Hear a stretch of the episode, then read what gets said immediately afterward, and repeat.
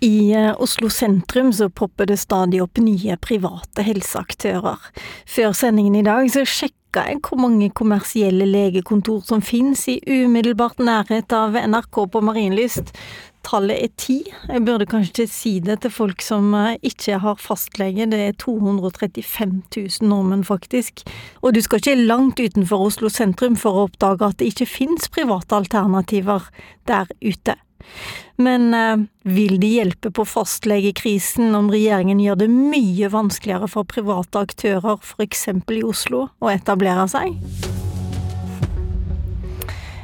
Ja, det er du som har lovt eh, dette. Cecilie Myrseth, du er nestleder i Stortingets helsekomité og Arbeiderpartirepresentant eh, i Stortinget, altså. Hvor vanskelig skal det bli for doktordroppen, doktor Droppen, hjemmelegene og andre kommersielle private aktører på allmennlegemarkedet? Nei, akkurat hvor vanskelig det skal bli, det er jo det vi nå blir å få gi regjeringa i oppdrag om å, å se på.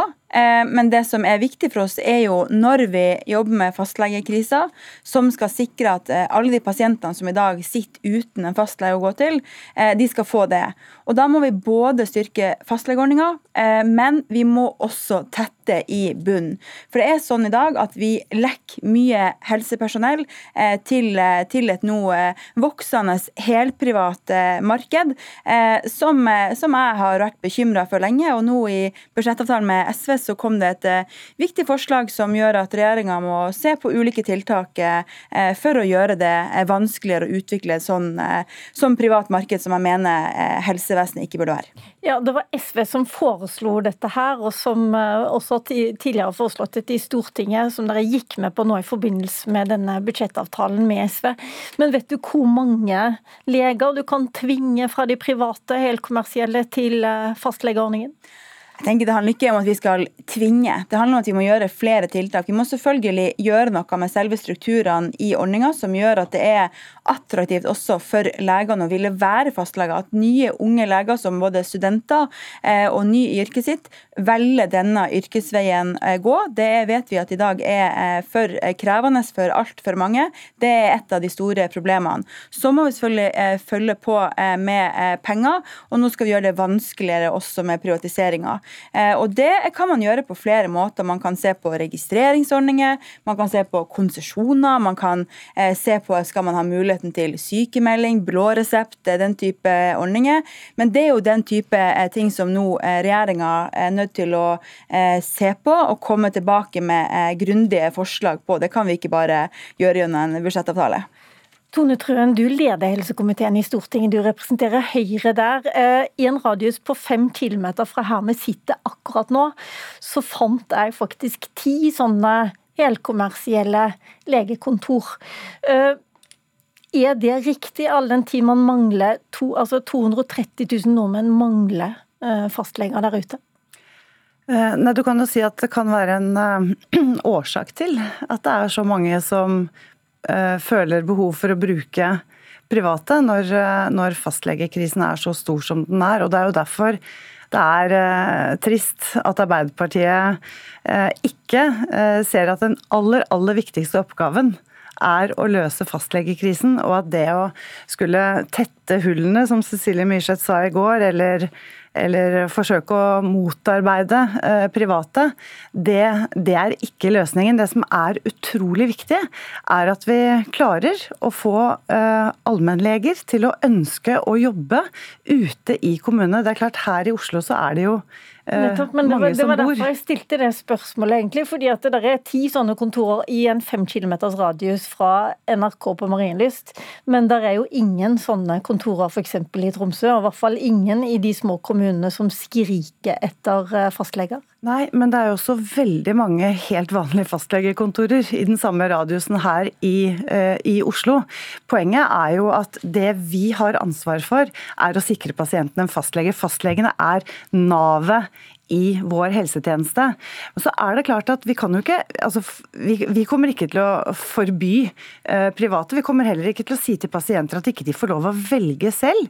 Men det skal jo ikke være sånn at en privat lege er den eneste løsningen du har for å komme til lege, få henvisning videre i helsetjenesten, få resept på helt nødvendige legemidler. og Derfor er det jo litt paradoksalt at Arbeiderpartiet bare i løpet av noen få uker går fra å si det å sikre en stabil, god og trygg fastlegeordning er vår viktigste prioritet.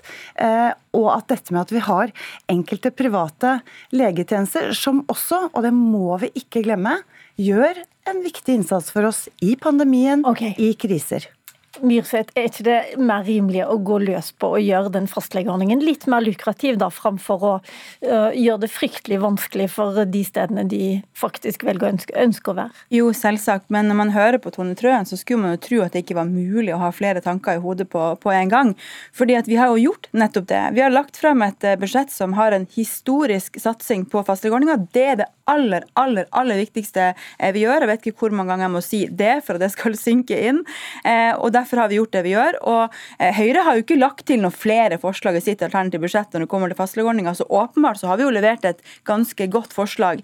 Men det er ikke nok. Eh, derfor har vi jo også satt ned et arbeid som ser på strukturene i ordninga nå, og i tillegg kommer dette forslaget. Så det handler jo om at alle disse forslagene til sammen skal jo være med og sikre at pasientene får den hjelpa som, som, de trenger. Men det virker jo litt brått, da. Ikke, ikke vet du hvor mange leger som faktisk kommer til å gå over der. Ikke vet du helt hvordan du skal gjøre det. Du sier bare at det skal bli mye vanskeligere for dem å etablere seg kommersielt. Ja, spørsmålet her er jo skal man eh, i en stortingsforhandling sitte på et rom og bli enige om akkurat hvordan man skal gjøre det her, eller er det eh, lovt eh, og kanskje klokt å komme med noen tanker om hvordan man skal utvikle politikken? Jeg mener jo det, og det er det man har gjort. Det skal bli vanskeligere. Det betyr at vi skal legge mer trøkk på fastlegeordninga enn f.eks. Høyre klarte å gjøre i løpet av åtte år, hvor alt de gjorde, var å legge fram en handlingsplan på slutten av åtte år, som Helsedirektoratet sier at ikke engang funker. Trøen. Ja, det er veldig upresist det Cecilie Myrseth sier nå. I de to årene etter 2020 så sto Norge i en kjempekrise. Vi hadde en enormt krevende pandemi, som selvfølgelig også satte hele helsetjenesten vår på strekk. Men det var kanskje litt seint å vente i sju år på å finne en løsning på fastlegekrisen? Jeg er enig i at det var på høy tid at den kom, i en enighet med både legene og kommunene. Eh, men først så evaluerte man fastlegeordningen. Den har jo bestått i ca. 20 år, så det var behov for en evaluering. Og så kom det en veldig tydelig, konkret handlingsplan, eh, som selvfølgelig ble noe forsinket av pandemien, fordi da eh, var det veldig mange andre viktige oppgaver, også for de som faktisk skal levere disse tjenestene. Ok, Vi stopper litt der og uh, vender øret mot uh, Fredrik Ørling. Du er lege, og du er en av de legene som uh, ga opp for å være fastlege. Hvorfor det? Det var flere grunner, men hovedsaken var at det var for mye å gjøre. Og, livet mitt privat tok skade av arbeidssituasjonen, rett og slett. Men eh, hvorfor er det så mange fastleger som forlater den jobben? En ting var din private situasjon, jeg vet du har snakka med mange andre også. Eh, svaret på det er egentlig veldig enkelt, og jeg syns det er veldig rart at politikerne ikke har skjønt dette ennå. For det er klart, og premissene for dette var lagt allerede i 2008, når man begynte å snakke om Samhandlingsreformen. Eh, det er for få leger i ordningen, det visste man da. Planen var at man skulle legge til 2700 fastleger. Eh, mellom 2008 og 2015. Eh, det har kommet 700 fra 2008 til 2022. Men, eh, så arbeidstiden er på 55,6 timer i uka. Det er en full arbeidsdag syv dager i uka. Mm. Derfor slutter folk som fastleger. Det er så enkelt. Du gikk til doktor Drop-in, og så gikk du til hjemmelegene. Var det bedre å jobbe der? Det var annerledes, men arbeidstiden kunne jeg i stor grad styre selv. Ja. Mm. Men uh, hvorfor ble du ikke videre der, da? Uh, det var flere grunner. For meg så var det at jeg ikke syntes det var faglig spennende nok. Jeg ville ha andre arbeidsoppgaver uh, der jeg er i min karriere. Hva tror du om det forslaget fra Arbeiderpartiet, eller unnskyld, fra SV ut opprinnelig, og som nå regjeringen går med på? Jeg tenker at hvis man skal redde fastlegeordningen, så må man gjøre det attraktivt å jobbe der. Eh, politikerne både på begge sider av, av det politiske spektrumet vet at det er for få leger.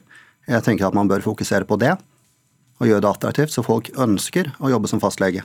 Men det som er veldig attraktivt, det er å reise ut i kommuner og ta jobber som vikarfastlege, og det har du også gjort? Ja, jeg har jobbet eh, via flere rekrutteringsbyråer i kommuner både i eh, Innlandet, Vestlandet og i Nord-Norge. Alt fra bykommuner til øykommuner.